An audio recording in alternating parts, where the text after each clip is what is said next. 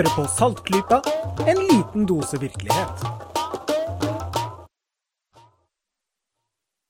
Velkommen til Saltklypa. Dette her er episode nummer 179. Eh, I dag, når vi tar opp eh, denne episoden, så er det den 30. januar 2019.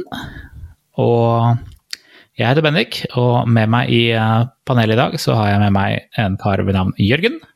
Hallo, hallo, alle sammen. Jeg har med meg en dame ved navn Elisha. Hallo, hallo. Og jeg har også med meg en eh, kar ved navn Kave. Hei, hei. Og vi har med oss eh, Kave Rashidi i dag, fordi eh, Vel, ikke minst bare fordi han er lege. Og vi har fått inn et lyttespørsmål som vi tenkte vi skulle svare på. Og vi kan bare hive oss rett inn i den e-posten.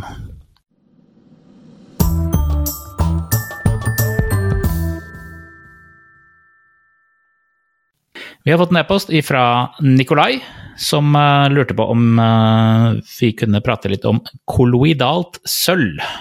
Og denne gangen sa jeg det riktig. Jeg sier konsekvent uh, kollodialt sølv, og det er, det er feil. Det er Google har sittet og retta på meg hele dagen jeg har hatt research på dette her.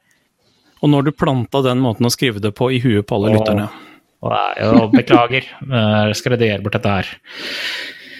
Eh, Men eh, Nikolai har en eh, kollega som kan kalles litt på den alternative siden. Nikolai skriver han driver med vannfilter for å slippe livsfarlig klor. Han har innleggssål i mobilen for å dempe livsfarlig stråling. Og han er skeptisk til, om ikke direkte motstander av, livsfarlige vaksiner. Det er jo rart vi ikke er døde alle sammen. Men det Nikolai hekta seg mest opp i, i, i dette her, var uh, sølvvann. Og det skal jo være en greie fra, fra langt tilbake av. Uh, Vi kjenner jo sølvvann til at man kan bli blå i ansiktet av det. Man ser ut som en smurf. Det, det er ikke bare bare det. Uh, og og i denne anledningen så, så tenkte vi da bare å, å spørre vår eh, nærmest huslege Kave. Funker sølvvann til noe som helst? Vel, kort fortalt eh, nei, men når du sier sølvvann, så mener du fortsatt kolloidalt sølv, ikke sant? Ja. For sølvvann er bare et litt sånn folkelig navn på en eller annen kjemisk prosess som jeg ikke kan så godt som jeg burde, Ja. hvor uh, ioner, eller sølvatomer, rettere sagt, løses opp i vann. Er det sånn å forstå? Mm. ja. og selges som vidunderkur mot alt fra forkjølelse til hiv og kreft og det som er. Ja, og der, der kommer du jo litt inn på noe av det som, eh, som trigger oss. med sånn Her burde vi begynne å bli litt eh, skeptiske, er jo når det kommer til den der vidund- vidunderkuren. For sølvvann skal jo funke mot, uh, mot veldig mye. Ja, Uh, jeg tenker kanskje det er interessant å gå den andre veien. Altså, yeah.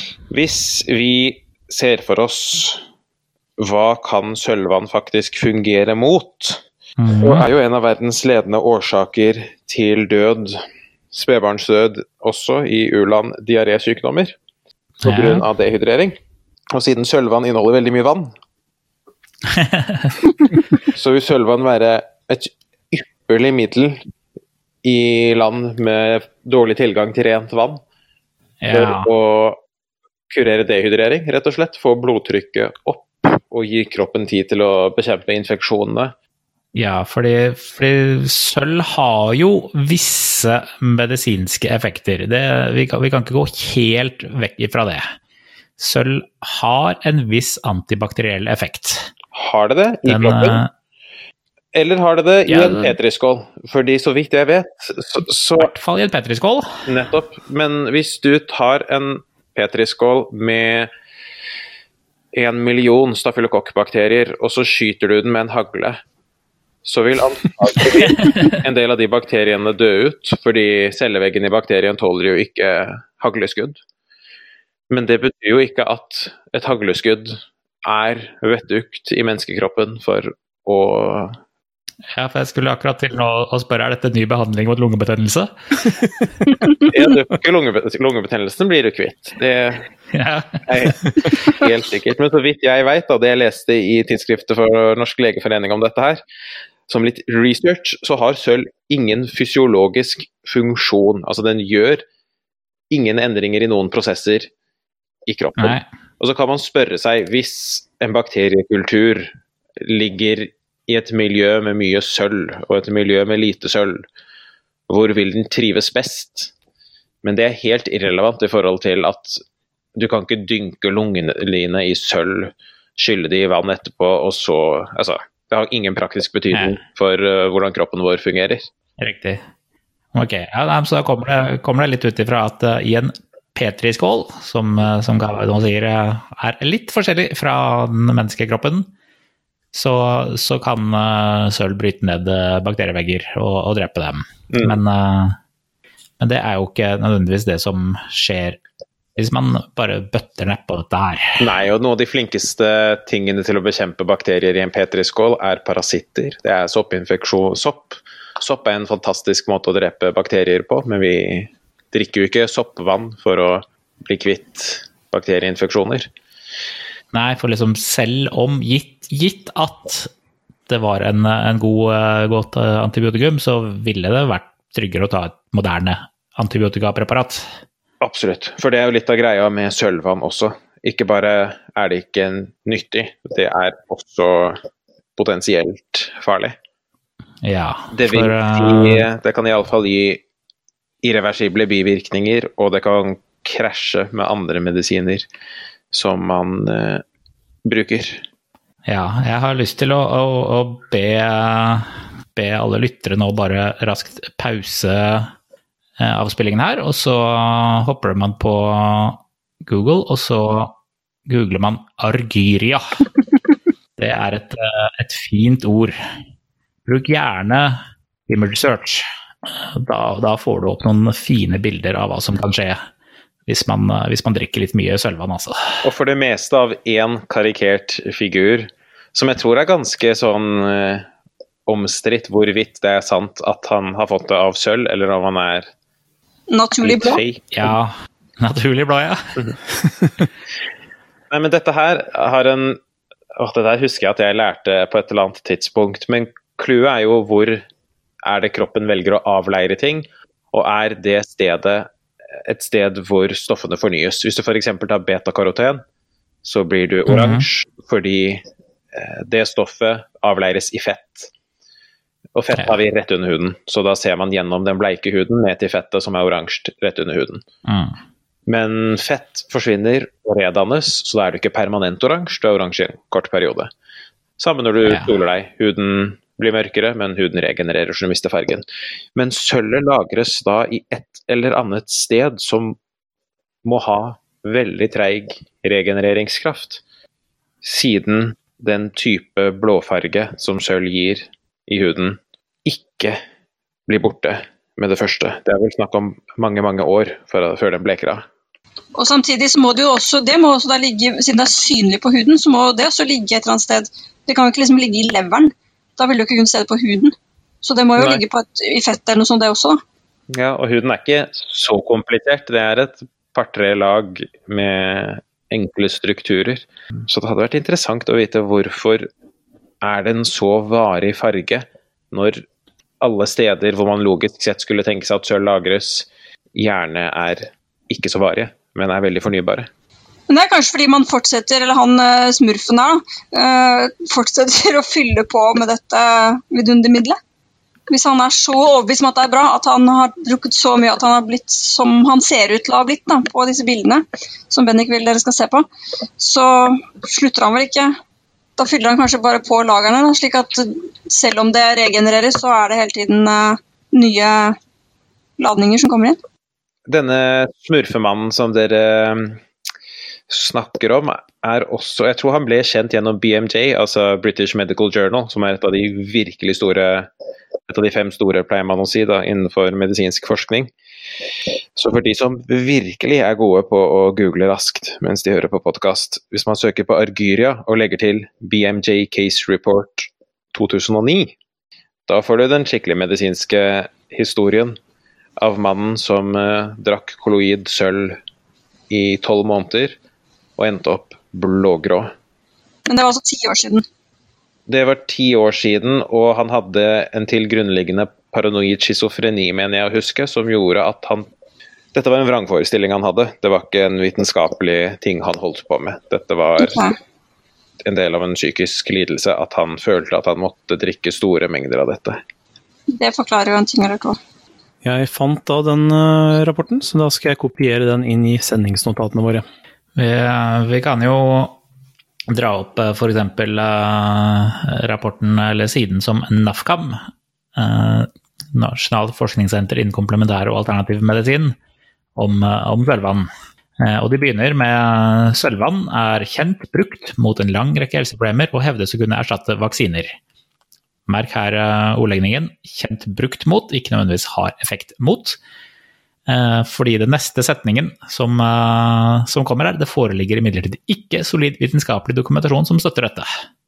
Ifølge våre kilder er risikoen for forgiftning og alvorlige og varige bivirkninger stor, og de fraråder derfor all bruk av sølvvann. Enkelt og greit. Det er rimelig klare ord. Ja, når, eh, når NAFCAM vil, så, så roter de ikke til, altså. Eh, Og, og, og jeg syns det er morsomt at de har, de har laget en oppsummering av hva, hva som eh, dette her kan funke mot, eller av forskninger. Så de har en fin tabell hvor det står eh, har trolig effekt mot, og der er det blankt. Har muligens effekt mot, og der er det blankt. Har muligens ikke effekt mot øyeinfeksjon, og har trolig ikke effekt mot ingenting. Jeg liker at du har én entry på denne listen på har muligens ikke effekt. Men det er jo den hvor det kanskje intuitivt sett er mest logisk for øyet ditt. Når det får en øyeinfeksjon, så ligger bakteriene og vaker i det ytterste laget, hvis du har- det som heter en konjunktivitt, altså bare konjunktiv av det ytterste laget som er betent. Men da kan du jo helle på nesten hva som helst og få det bedre. Saltvann, morsmelk, eh, hva enn som inneholder enten kylling, altså få det fysisk vekk, eller et eller annet, en eller annen immuncellelignende ting.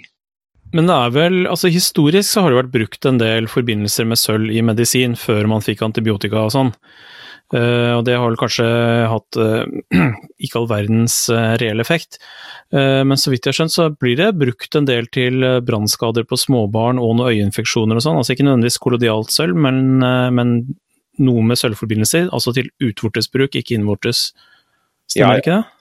Jo, det brukes kjempemye, som du sier, infeksjonsforebyggende og Ja, det er vel først og fremst mot infeksjoner. Ehm, Det er da i form av kvikksølvnitrat, så vidt jeg husker. Ja, det hørtes jo ikke noe skummelt ut i det hele tatt. Nei, ehm, ja, og hvilken sammenheng har kvikksølvnitrat og sølvvann? Ehm, kvikksølvnitrat er vel ah, Hvordan er det det dreper bakterier, da, mon tro? Eller er det bare jeg som har levd en løgn og driver og smører på kvikksølvnitrat på Du fulgte ikke med på, du fulgte ikke med på skolen den dagen, Nei. og så etter det så har du bare drevet og smurt kvikksølv utover. Ja, ja, men jeg, jeg, jeg har lært at man ikke skal smøre kvikksølv på, på enkelte ting. Um, så det kan Jeg har lært at man ikke skal smøre kvikksølv på det meste, ja, men det gjelder kanskje vanlig kvikksølv. Ja, nå er jeg på tynn is her. Kvikksølvnitrat ah, Hva er det en sånn salve heter, da? Ja, det klarer jeg ikke å komme på i, i, i farta. Nei, det var bare meg som, eh, som flåste litt. Kvikksølvnitrat er jo selvsagt et annet eh, stoff enn kvikksølv. Nei, nei, nei. Jeg, jeg er helt seriøs om at kvikksølvnitrat er uh, det medisinske stoffet som uh, man kan smøre rett på huden. Ja, ja. Uh, og at det er ganske vanlig å bruke det i en eller annen moderne variant. Men nå er jeg jammen på tynn is, og jeg håper ingen medisinske historikere, infeksjonsleger eller Jeg googler for harde livet for å redde det her. Jeg kan skyte ned spørsmålet i mellomtiden. Da. Det er jo en eller annen tilstand som man kan ha når man ble født, og som man driver og behandler helt nyfødte barn for med noe man drypper i øynene på dem og sånt nå. Nå husker jeg ikke hva den tilstanden var, men er det, det noe, har det noe sølv i det? For det mener jeg å huske at jeg har lest om at eh, man eh, tar liksom alle nyfødte barn for noen slags øyedråper fordi de kan ha et eller annet som kan gjøre at de blir blinde i fremtiden. Men jeg kan huske feil at det ikke er noe sølv i det. Det er bare noe Ingen anelse. Men jeg fant det stoffet jeg tenker på som inneholder sølv, som da ikke er kvikksølvnitrat, men som er sølvsulfadiazin. Aha. Og, og det er sølvmolekyler. For sølv har vel det kjemiske tegnet AG, har det ikke det? Det stemmer. Sølvsulfadiazin inneholder sølv og brukes i en krem som heter flamasin med Z, og det var den jeg tenkte på. Den brukes mye på brannfar. Ja, og da har den sannsynligvis antibakterielle eh, egenskaper der. Antageligvis det, den- det som er uh, ideen. Og her står det at sølvet frigjøres sakte fra sølvsulfadiazid og kan entre systemisk sirkulasjon. Så det betyr at det faktisk er sølv, altså. Ja. Ja. Som har bakteriostatiske og bakteriside egenskaper.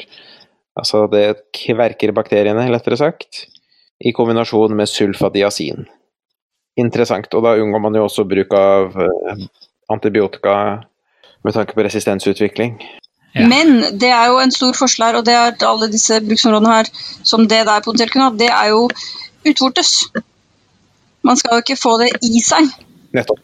Nei, for det, det er jo et tungmetall, så man har virkelig ikke lyst på, på mye av det, eller noe i, i seg i det hele Nei, jeg har sett noen påstander om at noen av disse som eh, ved et utrolig sammentreff tjener penger på å selge kollodalt sølv, det er jo eh, treffende at de tjener penger på det, men de mener jo da at man faktisk kan lide av sølvmangel eh, i kroppen. Og det, da tenker jeg ok, du skulle hatt litt flere smykker, liksom. Det må være den eneste sølvmangelen eh, som kan være noe, fordi jeg skjønner ikke helt hvordan det kan hvordan de kan komme frem til at dette kan finnes naturlig i kroppen. I slike mengder. At det kan være noe vi kan mangle. En veldig rar ting å skulle påstå, for det er så lett å motbevise det. Ja, ikke sant? Det er jo et atom, det er jo ikke en eh, idé eller en tanke. Det er, det er noe sånn grunnleggende svart-hvitt som eksisterer. I dag så, så er det ulovlig å markedsføre kolloidalt sølv til innvortes bruk i, i for så vidt hele EU og i Norge og i, i USA også. Uh, Dette fører da til at uh, det ikke selges som til innvortes bruk, men, uh, men selges til som et vaskemiddel eller rensemiddel i stedet. Så vidt jeg kan se, så jeg tror det er i ferd med å bli bare generelt forbudt i Norge sånn på generelt grunnlag. Jeg så noen referanser til det eh, på, på den personen sin blogg som alle disse tingene her føres tilbake til, Kjetil Dreyer, eh, som jo har vært, eh, vært i mediene mange ganger pga. Sølvvann. Eh, og Gunnar Tjomlid har jo selvsagt noen fine, lange blogger om det. Og ja, nei, så, så det De som kjemper hardest for det, er, er de som selger det. Eller som ønsker å, å selge det. Pussig sammentreff. Ja, jeg har fulgt med litt på svenske nyheter om det. Eh, Fulgt med og fulgt med. Jeg hører på en del eh, svenske skeptiske podkaster, så da har jeg fått med litt. Og i Norge så har jeg inntrykk av at det har vært rimelig stille etter eh, 2014-2015. Det har ikke vært så mye som har eh, skjedd i offentligheten om eh, kolloidalt sølv, men i Sverige så har det visst vært mer. Ehm, Eh, Og der har de eh, prøvd å omgå reglementet da, ved å selge det som et rengjøringsmiddel, men eh, inne på alle lukkede forum og sånn, så er man jo veldig åpen på at det er til å fortære. Mm. Um, Så der har jeg inntrykk av at det har vært et større problem, men i og med at det har skjedd i det skjulte delvis der, på tross av at det har kommet fram, da, så er det jo mulig at det foregår i Norge også. Og det er også mulig å lage kollidalsølv selv, med ganske enkle midler. Um, Så det kan godt være småprodusenter og alt mulig rart som vi ikke vet om. Ja, og som du sier, det er veldig mye ulovlig som selges uh, som noe annet. Eksempelvis så tror jeg poppers, altså det dopet som jeg tror var mye brukt på 80-tallet i hvert fall, for å Mhm. få analsvinkteren til å slappe av. Så sånn at man kunne ha analsex. Mye brukt i homofile miljøene rundt forbi. Der var det vel bare et eller annet, som du sier, vaskemiddel, noe i den duren. Uh, for det fungerte jo som det også. Men at folk kjøpte jo bare vaskemiddel av én grunn. Ja, nei, så det, det har ikke vært liksom hvis man, hvis man ser litt på hvor mye hvor populært dette er i Norge, så har ikke dette her vært den mest populære alternative behandlingen i Norge. Den, den, eh, den dukket liksom eh, mye opp i, i USA, og så, og så klarte den egentlig ikke så veldig godt komme seg over Atlanterhavet. Men den dukker opp en gang iblant her også. Den har ikke liksom slått an, det har ikke vært den store alternativbølgen av sølvvann eh, her i Norge, heldigvis. Nei, men man ser likevel ganske altså, Argyria, når man googler det, så får man disse bildene av helt gråblå mennesker. Men hvis du ser på folk som har, har fått veldig mye akupunkturbehandling, Mm. der brukes det ofte sølvdåler, og de får ofte Ah. permanent argyria, de også. Ja, det visste jeg ikke. Oi. Gråblå prikker som er igjen, det er også argyria. Eller noe så enkelt som eh, piercing. Samtidig. Har du en Jaha. Sølvring et eller annet sted, så kan du også få argyria.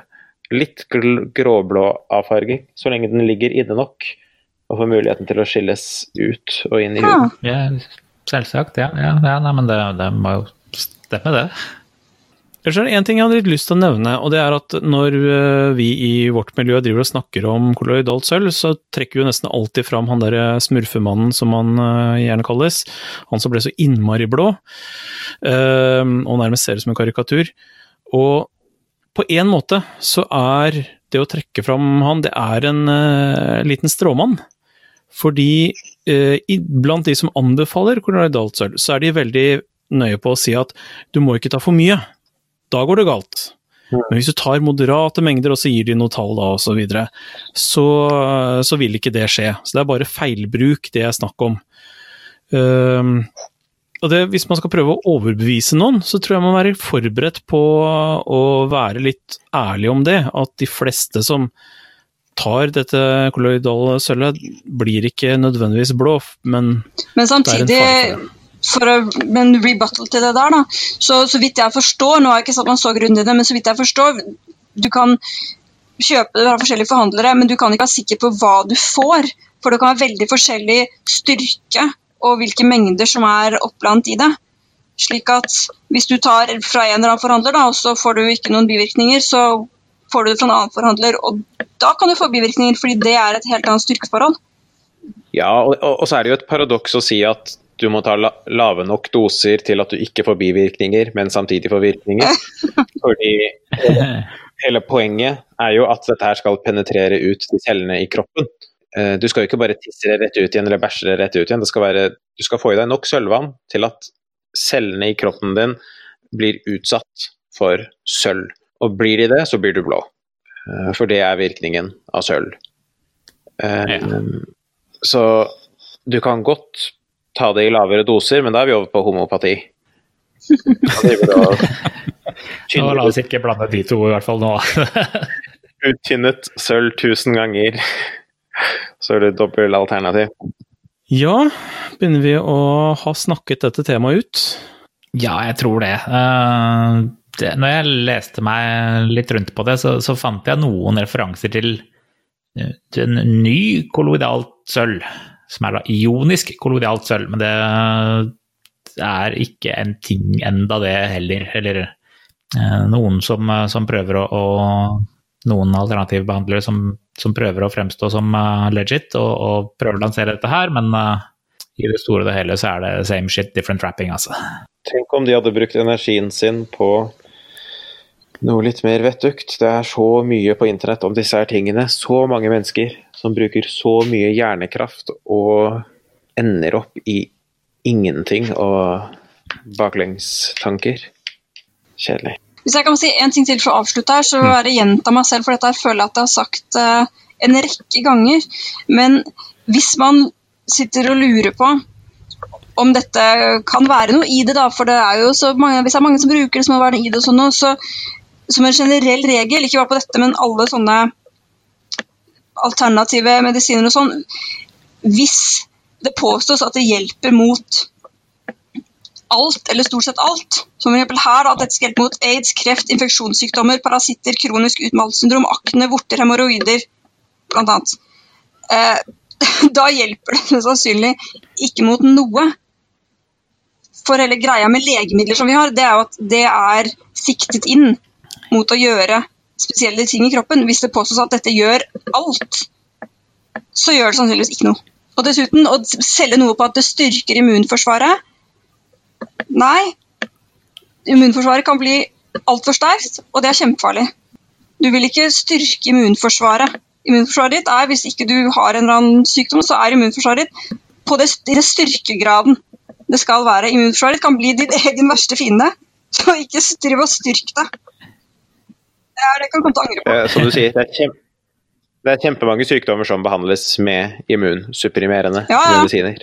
Alt fra leddgikt til MS. Altså, det er kjempemange sykdommer som er det man kaller Ja, autoimmune, da, hvor kroppen eh, angriper seg sjøl. Ja, jeg kjenner folk som har det, i hvert fall, og det er eh, jævlig. Så man skal ikke trakte etter et sterkest mulig immunsystem. Immunforsvar.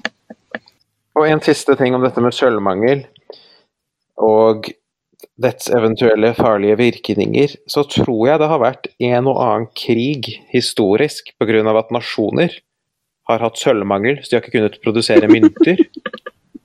Og det har ført til er helt seriøst. Det er liksom eh, Det er en ting at som valuta så eh, legerte man andre typer metaller da, for å få det til å ligne på gull og sølv, og har skapt mye trøbbel og mye krig. Jeg tror både borgerkriger og utad for å få tak i mer sølv. Absolutt. Så man skal ikke kimse av sølvmangel, men man kan ikke Drikke drikke sølv for det. Nei.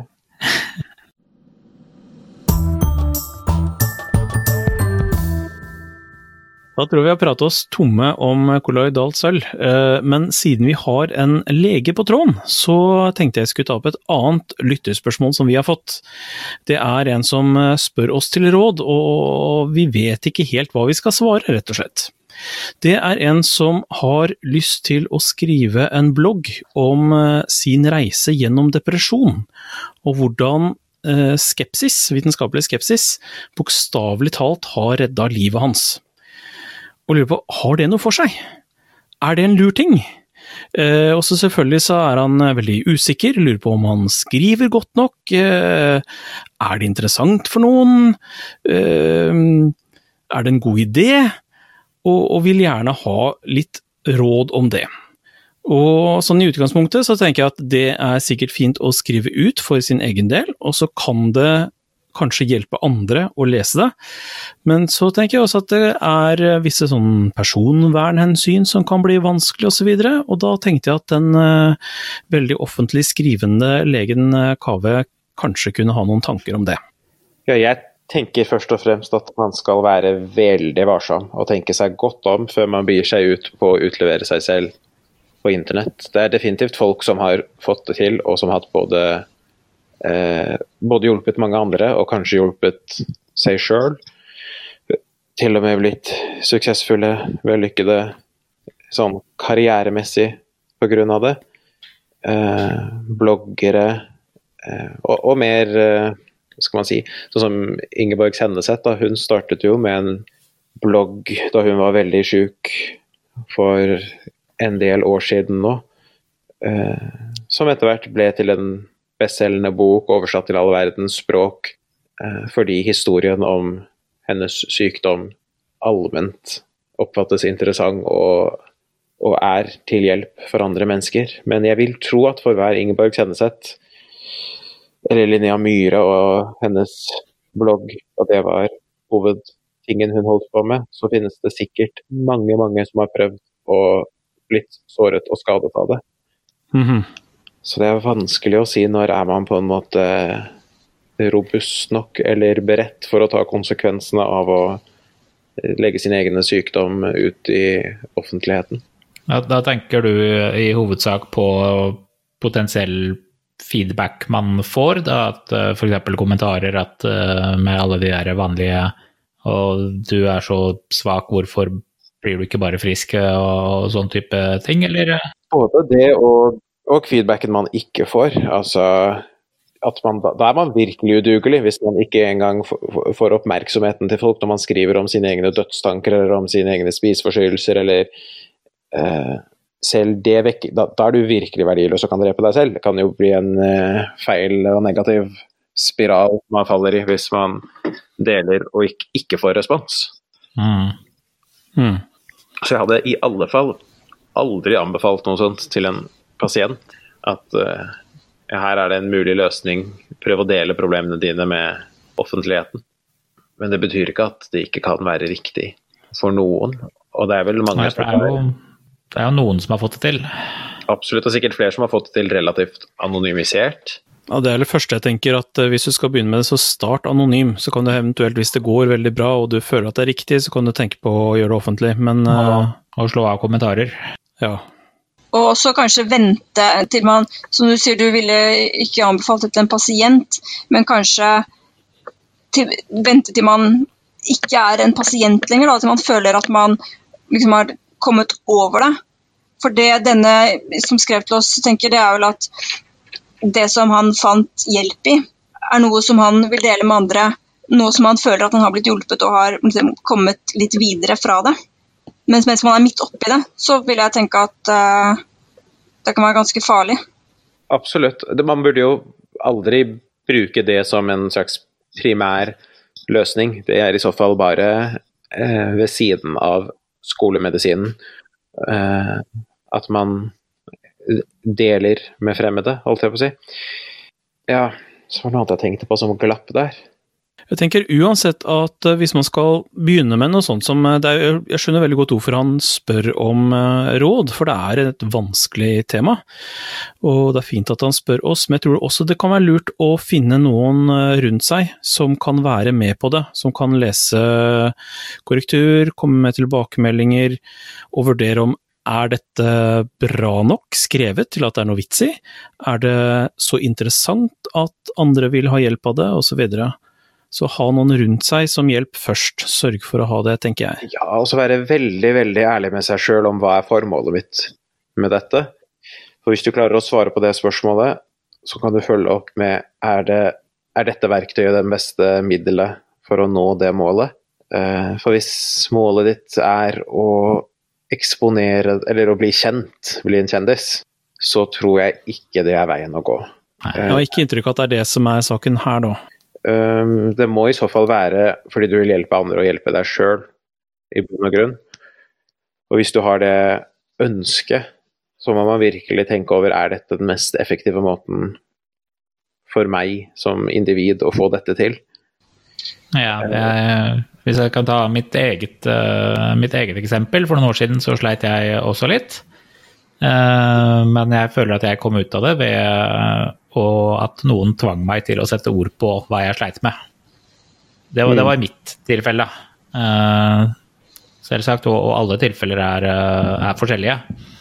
Men, men, i mitt tilfelle, sånn at det å få gjort om liksom bare sånne følelser og grums og sånt ned til ned til faktiske ord som jeg kunne se på og rette på og korrigere og, og sånt, det, det, det hjalp meg veldig der. Uh, i at, uh, ja, for når straks jeg fikk satt ord på dem, så fikk jeg liksom kvantifisert dem, og da fikk jeg liksom analysert dem og kunne se ok, dette her er de faktiske punktene som, uh, som jeg trenger å jobbe med. Mm. Mm. Og det er jo en kjerne i all terapi. Det å klare å kommunisere med seg selv, hvis man kan si det sånn. Og forstå uh, egne tankemønstre, forstå egne motiver, forstå egne styrker, svakheter. Og hvis skriving kan være et verktøy for å nå det, så trenger man kanskje ikke å trykke på publiser-knappen for å få nytten av det. Ja, nei, I mitt tilfelle så, så, behøvde jeg ikke publisere det til noen. Det holdt med at det var bare en jeg prata med som bare gravde dypere og dypere og dypere, og dypere og, og ville ha konkrete svar. Uh, og så løsna det opp for meg. Mm. For da måtte jeg som sagt sette ord på ting. Ja. Nei, jeg kom på det jeg skulle si i stad. Ja. Angående det med å vente til man er over problemet med å skrive det.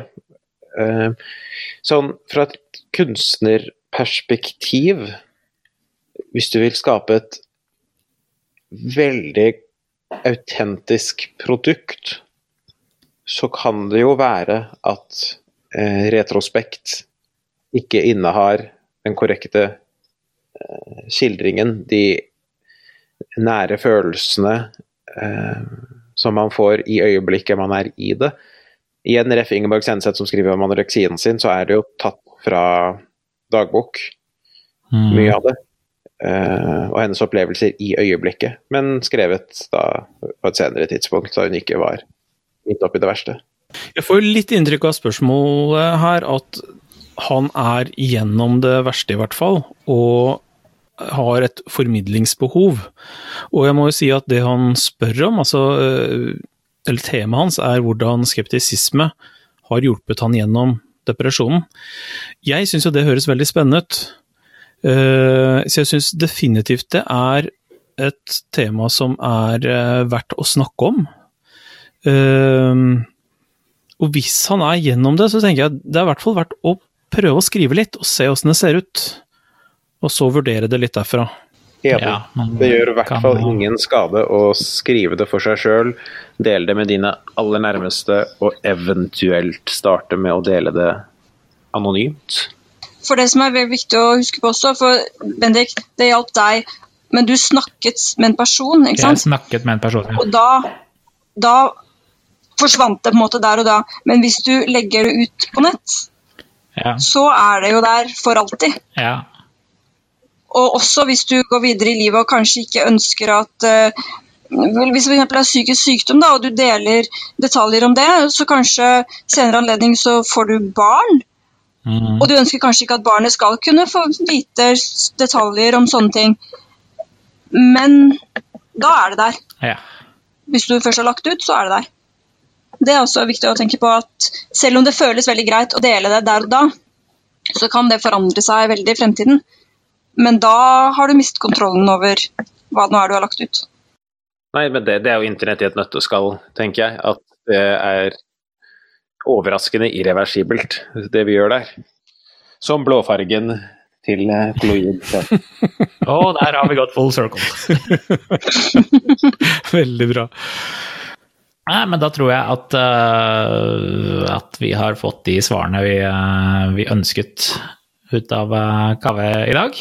Og det er det viktigste når det kommer til forskning, at man får vite det man allerede trodde. Mm. Bekreftet seg sjøl, eller hva? Ja. Det, det var absolutt uh, intensjonen her. Ny kunnskap eller overraskende perspektiver hadde jo vært slitsomt.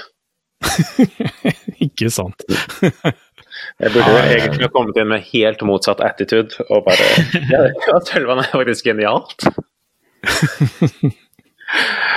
Satte det litt ut. Ja. Nei, men uh, speaking of uh, sånt, uh, nye ting å, å legge seg ut, har du noen nye kreative prosjekter på gang? Du har jo dukket opp overalt i det siste.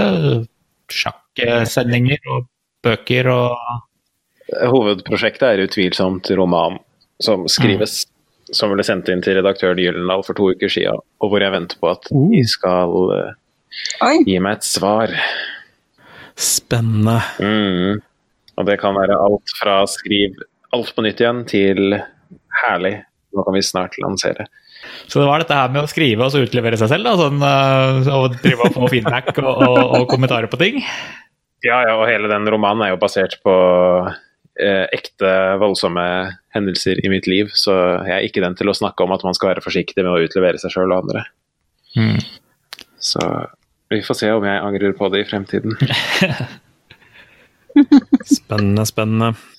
Ja, nei, men det var det vi, det vi hadde for i dag. Det ble ikke så ille gærent, dette her, og vi sier tusen takk til øh, lege Kaveh Rashidi for å forklare oss litt om øh, hva sølv gjør med kroppen, og hva skriving gjør med hjernen. Takk for at jeg ble invitert. Så sier vi bare takk for oss, og så høres vi igjen om litt. Ha det bra, alle sammen. Ha det bra. ha det så bra. Saltklypa lages av Kristin Lisha, Jørgen og Bendik. Har du spørsmål, anbefalinger, ris eller ros, send det til post at saltklypa.no, eller finn oss på Facebook Lenker til alt vi har snakket om i episoden finner du på saltklypa.no, hvor du også kan abonnere på podkasten for å få hver episode levert på døra helt gratis. Takk til Smart 9000 fra Evig poesi som har laget kjenningsmelodien.